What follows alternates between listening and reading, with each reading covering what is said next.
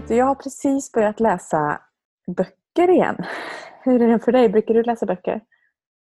Eh, ja, jag älskar ju böcker. Jag köper gärna böcker och jag har ibland gett mig själv förbud att nu får du inte köpa något mer innan du har läst dem du har. Och sen så kan man göra så här. och så köper jag några till. Skiter Så jag i. jag älskar böcker. Ja, precis. Det skiter jag i. Så jag har faktiskt också precis, eh, i måndags läste jag en bok. Jag fick den av en kompis, en skönlitterär deckare. Och det är helt ljuvligt att få, förs- få försvinna in i en bok. Älskar det. Och Ja, jag- kunskap också för den delen. Kunskapsjunkie. Ja, men lite så. Jag har, har längtat efter att så här, du vet, fastna i en bok ordentligt. Det var, det var faktiskt länge sedan. Det har bara varit livet emellan. Jag ska inte skylla på något, men jag har inte tagit med den tiden med, med små barn och grejer. Och så däremot lyssnat på en del böcker och det gillar jag också. Men det är något annat att sitta och läsa och sitta och hålla i en bok för mig. Så att, eh, ja, jag gör det också. Så att jag bad faktiskt om tips för ett tag sedan och fick hur mycket bra tips som helst från eh, alla fina vänner och följare. Eh, Och den första boken jag läste vet jag också att du har läst och den fick mig att, att tänka till ganska mycket. Det var så här, lä, verkligen läsvärd. Eh, Veronica sig, bestämmer sig för att dö, heter den, av Paolo Coelho. Eh, jag har ju läst hans Alkemisten och älskade den. Har du läst den Mm. också? Ja, gud, jag hade den som bibel ett tag. Jag läste den igen och igen och igen och gav bort den till Ja. alla i julklapp. Det finns en där bok jag faktiskt ska köpa för jag vill ha den hemma och läsa den då och då. Den Ja, är. Så det räckte att jag fick, jag frågade faktiskt en, eh, en nära vän om tips och att jag gillar, gillade hans bok. Alkemisten och då hade hon liksom kommit med en hög med typ alla hans böcker. Och bara, "Åh, jag har alla hemma. Så. Så att, eh, och då började jag med att läsa just den för den tyckte hon var jätte, jättebra. Eh, Och kort och gott så, så handlar den om en eh, ganska ung tjej som bestämmer sig för att ta sitt liv med tabletter. Eh, Men lyckas inte och vaknar upp. Det här var ett antal år sedan. Så att hon vaknar upp på ett eh, då, mentalsjukhus där hon hamnade för att eh, eh hon kanske ansågs lite som galen när hon försökte ta sitt liv. Eh, Och fick reda då på att hon hade ungefär några dagar kvar. Hon lyckades inte ta sitt liv men eh, till följd fick hon andra sjukdomar kan man säga. Att hon skulle, att hon skulle dö. Så får man följa hennes eh, tankar och även andra personer som bor på det här mentalsjukhuset under några dagar. Vad som pågår i deras hjärna och vad som händer. Och det är eh, berikande och insiktsfullt på många sätt kan man säga. Mm, verkligen. Och det fick mig att tänka lite grann, alltså just hennes tankar kring, jag ska ändå dö. Så då testar jag, eller jag vågar. Eller jag gör saker jag inte gjort förut. Skitsamma, jag kanske ändå dör om en kvart eller åtminstone max om tre dagar. typ. Och det är en ganska intressant eh, tanke att tänka. Nu ville hon ju då dö. Så att hon hade en annan vinkling. Jag skulle definitivt inte vilja dö. Jag vågar knappt prata om det för mycket nu för jag tänker att det blir som man tänker. Så jag får, får, får, Ja, precis. vad vi säger här nu. Eh, Ja, nej, så jobbar vi inte. Nej, vi vill leva. Vi vill leva. Ja. Så vi är tydliga med det. Tack. Eh, men det fick mig att tänka väldigt mycket och reflektera. Och eh, hemma hos oss så pratar vi ibland så här, men om, vi, om du skulle ha ett år kvar, vad, vad skulle du göra då? Och så där. Hur, eh, hur tänker du kring det? Tänker du på sådana saker ibland? Eller hur? Ja, det gör jag ganska ofta. Och det låter ju helt eller ganska ofta. Det kanske är att ta i. Jag tänker på döden ibland. Eh, och för mig så var det jättetydligt att allting inte är för evigt när min mamma gick bort eh, när jag var 26. Och eh, det kunde ju inte hända. Liksom. Det var ju sånt som hände andra men det hände ju inte oss eller vår lilla familj. Det skulle ju aldrig hända. Och det gick ganska fort. Eh, och det tog lite tid att förstå att det skulle gå så fort. Och då vet jag att efter det så eh, satt jag, jag bodde ju då ute i Roslagen och satt vid Danderyds eh, sjukhus där bussarna gick ifrån. Och jag hade missat den där, i vanliga fall hade jag tänkt jag missat den där jävla bussen och det är en och en halv timme till nästa. Jag hade missat den med typ två minuter. Jag såg ryggen på den försvinna. Eh, och jag hade som sagt blivit vansinnig i vanliga fall och lagt massa energi på att vara sur över det. Och jag tänkte att det spelar ingen roll för det är ingen som har dött. Så jag kommer aldrig mer springa efter en buss. Jag kommer aldrig mer sura för småsaker. Och det där försöker jag ha med mig. Att lägga energi på, på det som är viktigt. Lägg inte energi på skit. Det finns ingen anledning att lägga energi på sånt som du inte kan påverka eller som faktiskt inte har någon större betydelse. En en timme hit eller dit, det, det är ingenting som påverkar i det långa loppet. Eh, så att får man ta good things of bad things så är väl det en, en sak för mig att verkligen försöka perspektiv i det jag gör. Och på det temat då, jag kanske inte tänker att jag ska dö jämt men jag tänker på vad jag är med min tid och, och eh, vad fokuserar jag på. Absolut. Sen ja. är det svårt ändå att tänka så här, ja, nu har du ett år kvar. Jaha. Eh, jag har ingen aning om om jag verkligen skulle behöva fatta eller alltså stå inför den, den ekvationen. Att nu är det så här, nu kan du börja räkna ner dina dagar. Jag tror att med min hjärna så skulle jag säga så här, hur kan du veta att jag inte är den som avviker från statistiken? Mm. Det kan jag nog garanterat säga. Att det, du ska inte tala om för mig när min tid är slut. Och samtidigt så, så tänker jag att göra det bästa av den tiden. Att verkligen fokusera på okay, vilka vill jag umgås med, vad vill jag göra? Och, eh, de delarna. Men som sagt, jag har ingen aning för jag är ju inte i den situationen. Vad tänker du? Och det, jag fick faktiskt den frågan av John här hemma för inte så länge sedan. Och jag tycker den är, så här, det är intressant att prata om men, men det är svårt också att tänka in det. För så, men om det skulle vara ett sånt scenario på riktigt, att någon är sjuk och då är det eller liksom att man bara har ett år kvar då eh, pratar vi om vissa saker vi kanske skulle göra eller sådär. Hur vi. Och det är inte superstora förändringar. Det är inte så att släppa allt och slänga jobbet och sådär. För att väldigt mycket runt omkring mig idag älskar jag av det jag gör. Kanske skulle kombinera min tid annorlunda. Vi kanske skulle stuckit iväg några månader och liksom rest och bara varit ännu mer. Sådär. Men, men sen är det ju en... Eh, vad ska man säga? Vi lever mycket i en... Vi pratar, vi pratar ganska ofta så om balansen idag. Att tänka smart för framtiden Eh, och planera och ha en plan framåt är viktigt för oss i vår familj. Både ekonomisk plan, vad vi, vad vi vill, vad som är viktigt. Mycket tid pratar vi om nu. Alltså vad är viktigt med tiden? Hur ska vi fördela vår tid smart så att vi mår bra? Eh, men, eh, men också att leva i nuet.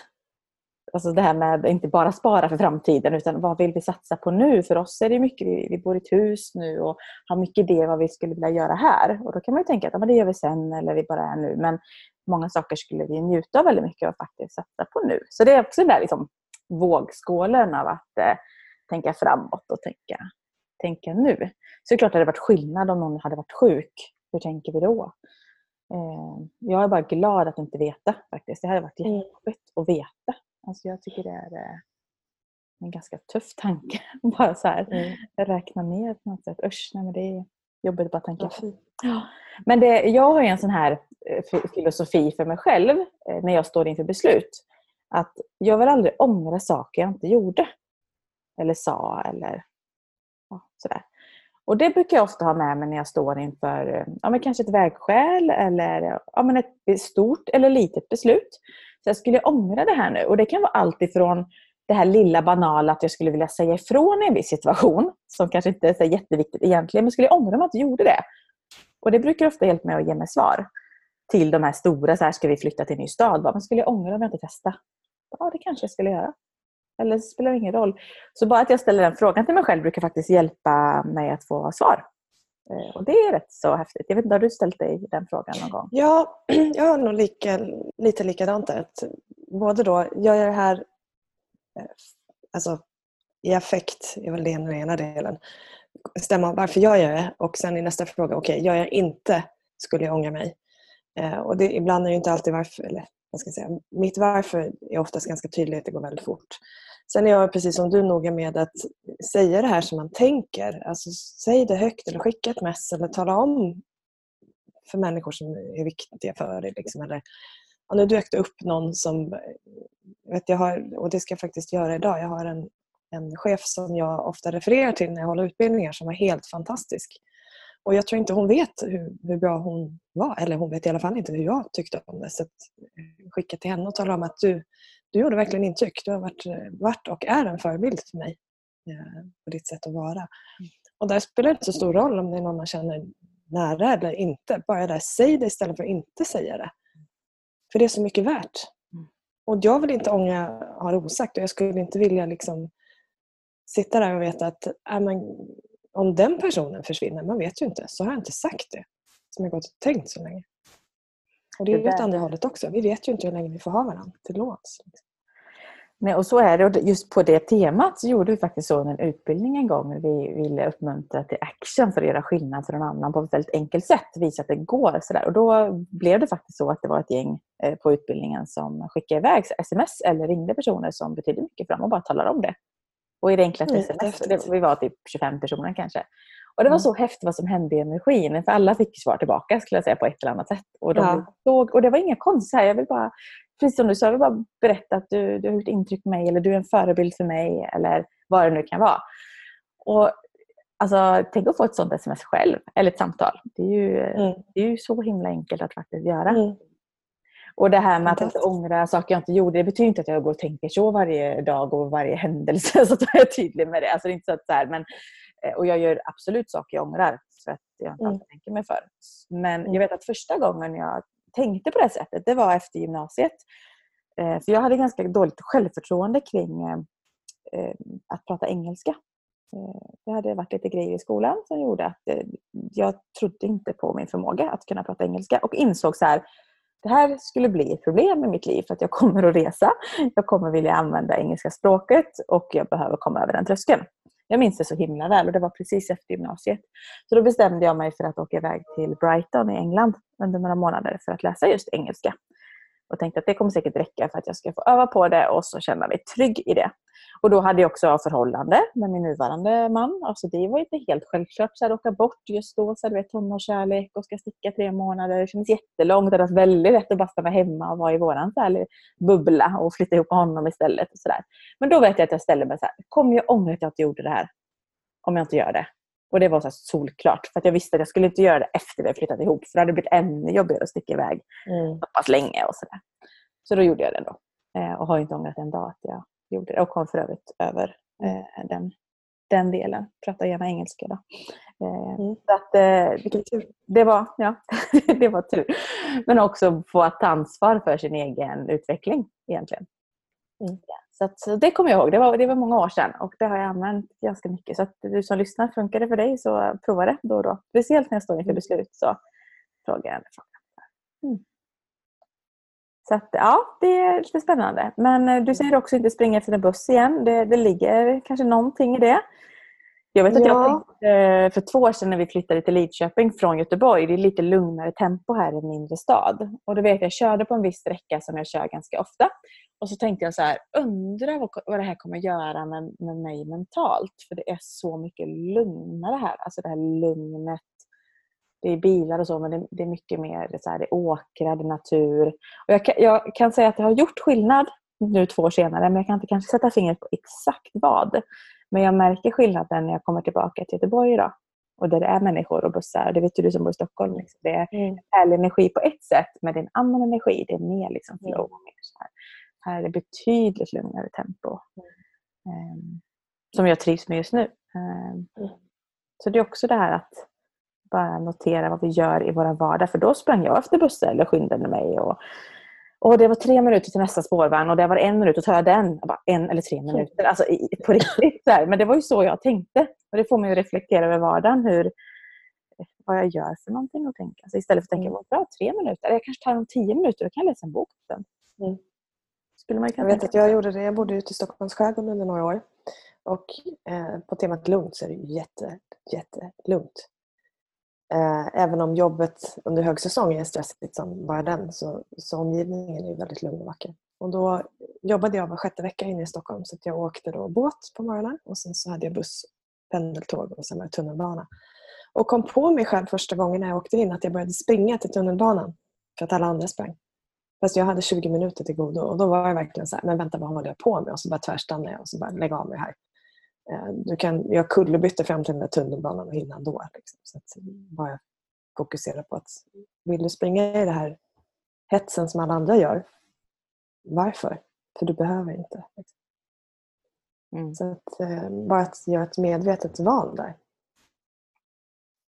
Och det tycker jag är överlag ett bra tips nu när vi, när vi kanske snart ska börja runda av. För att just det här medvetna eller omedvetna sakerna vi gör i vår vardag om vi skyndar oss någonstans eller bara för att vi har mm. satt in andra gör det eller samhället gör det eller det förväntas av oss. Eh, eller vad kan jag göra för förändring för att det ska bli på samma sätt igen? Klassiskt stressat mm. morgonen, alltså, det är ju faktiskt bara att gå upp en kvart tidigare. Liksom. Det är ingen som rör det. Eller så, vad, vad är det som faktiskt... kan man, ja. ja, men precis. Och sen kan man ju fundera då om man har alla dagar ser likadana ut och du alltid liksom går i mål utan att någonting har rasat, ingen har farit illa, du har inte farit illa så är det ju så att du har ju ändå en strategi som fungerar så att du skulle kunna göra exakt samma sak på exakt samma tid utan att vara i ett stressat tillstånd. Mm. Bara röra dig lugnare, andas lugnare för du vet ju att du hinner. Mm. Det, det här att röra sig fortare gör inte att det går fortare. Det är bara att vi tror att det går fortare för vi tappar massa saker på vägen och blir inte speciellt smarta så allting tar längre tid. Så bara göra samma sak men att göra det i ett annat tillstånd skulle göra skillnad. Eller gör skillnad. Garanterat. Mm. Ja, det är intressanta tankar. Jag eh, började med att läsa en bok och började tänka mycket på det här och det är eh, faktiskt intressant att samtala kring det. Mm. förhoppningsvis väcker det lite tankar. För att, eh, jag tror också att generellt att vi är rädda att prata om döden. Vi är så ovana att prata om döden. Ändå är det en av de två saker som vi vet med livet. Vi föds och vi vet att vi ska dö men vi har inte kontroll när det ska hända. Mm. Så samtalen är viktiga tror jag. Prata mer om det faktiskt.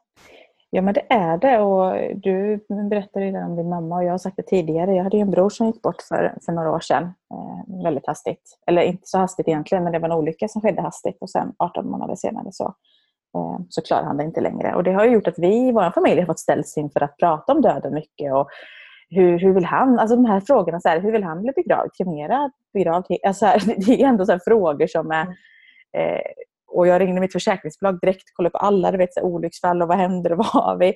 Och då sa mm. de just det så att ja, det är komiskt för när många ringer din situation, när det händer något så är det väldigt vanligt att man ser över allt det här. Och det mm. är faktiskt viktigt att göra och prata om det.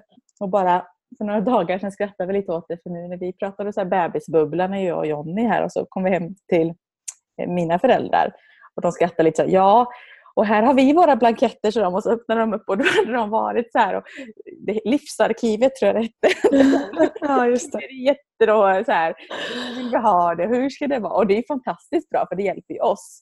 Eh, ja, det underlättar ju verkligen för dem runt omkring. Ja, vi skrattar lite om det. Så här, hur vill vi ha det, kistan? Hur ska det vara? Det, det, är mm. deras frågor nu. Det är förhoppningsvis väldigt många år mm. kvar för de är inte alls gamla. Eh, mamma är inte ens 60 så att, eh, de, är, de är unga än. Men eh, det är ändå viktiga frågor faktiskt att prata om. Så att, och på mm. ett enkelt sätt, och speciellt när det inte är eh, laddat, alltså när det inte är i stunden, så kanske man kan prata om det ganska så lättsamt. Mm. Absolut. Det underlättar ju en hel del. Så, ja, det gör det verkligen. Och då måste jag faktiskt berätta, herregud, de hade en när vi pratade just om detta så berättade då min mammas man om en som de, om det var att han kände honom eller om han hört det på TV, spelar egentligen ingen roll det var till saken hör att det här var en man som hade avlidit. Han var känd för att vara lite så här skämtsam och ville alltid sista ordet. Och, så där. och Han ville ha sista ordet vid sin begravning. Så vad han hade gjort då, att han hade bett, hans, hans sista önskan var att han hade gjort en inspelning som hans dotter spelade upp precis när han skulle jordfästas ner i marken. Jag kan skratta åt det nu men det är så fruktansvärt egentligen. Där då hon, hon sätter ju på då en inspelning som går ut till alla när de står där. Där det är så här, knackar. Släpp ut mig, det är mörkt här! Säger han. Vad håller ni på med? Typ sådär. Du vet, tänk dig den chocken vid sorgen som är i en sån situation. Oh, bara, och det är hans röst du vet, som kommer från ingenstans. Innan de först, och då bröt de väl ut i skratt för de visste att det var så typiskt honom liksom, att göra en sån grej. Mm. Det sista ordet och du ska vara så skämtsam. Men alltså du vet, herregud, det var lite makabert faktiskt på något sätt. Eh, ja, det, det är så på gränsen men det är roligt. Det är ja, fantastiskt roligt. Det var lite så. Så att ja, man kan, man kan ha lättsamt med döden kanske också om vi ska dra det till den spetsen. Ja. Oh. Ja, vad säger du? Ska vi, ska vi runda av? Ska vi fortsätta? Ja, runda av och fortsätta med livet kanske? Jag tycker också det. Det låter som en bra plan.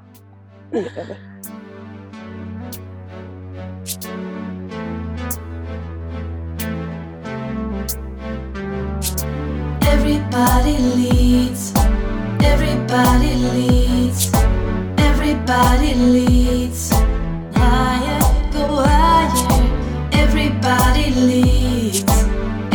Everybody leads. Everybody leads.